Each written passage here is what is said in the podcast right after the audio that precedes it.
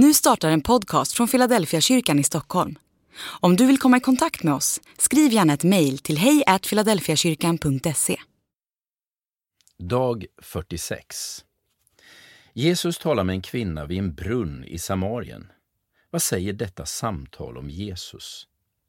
Det är kanske svårt för oss att förstå hur omvälvande detta samtal var. Jesus passerar flera tydliga gränser när han vänder sig till kvinnan. Dels var han man och hon kvinna.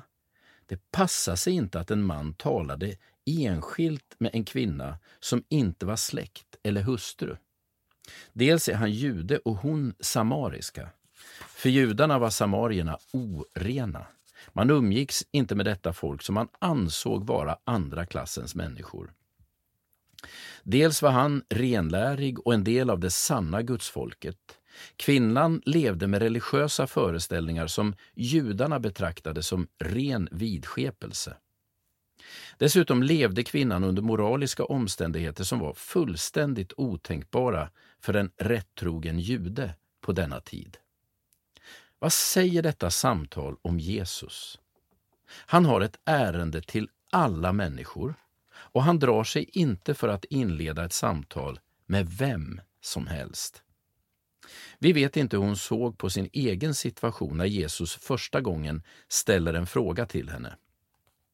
Vi vet bara att kvinnan under samtalets gång upptäcker vem Jesus är och vänder tillbaka till sin stad med budskapet om att hon har mött Messias, Frälsaren.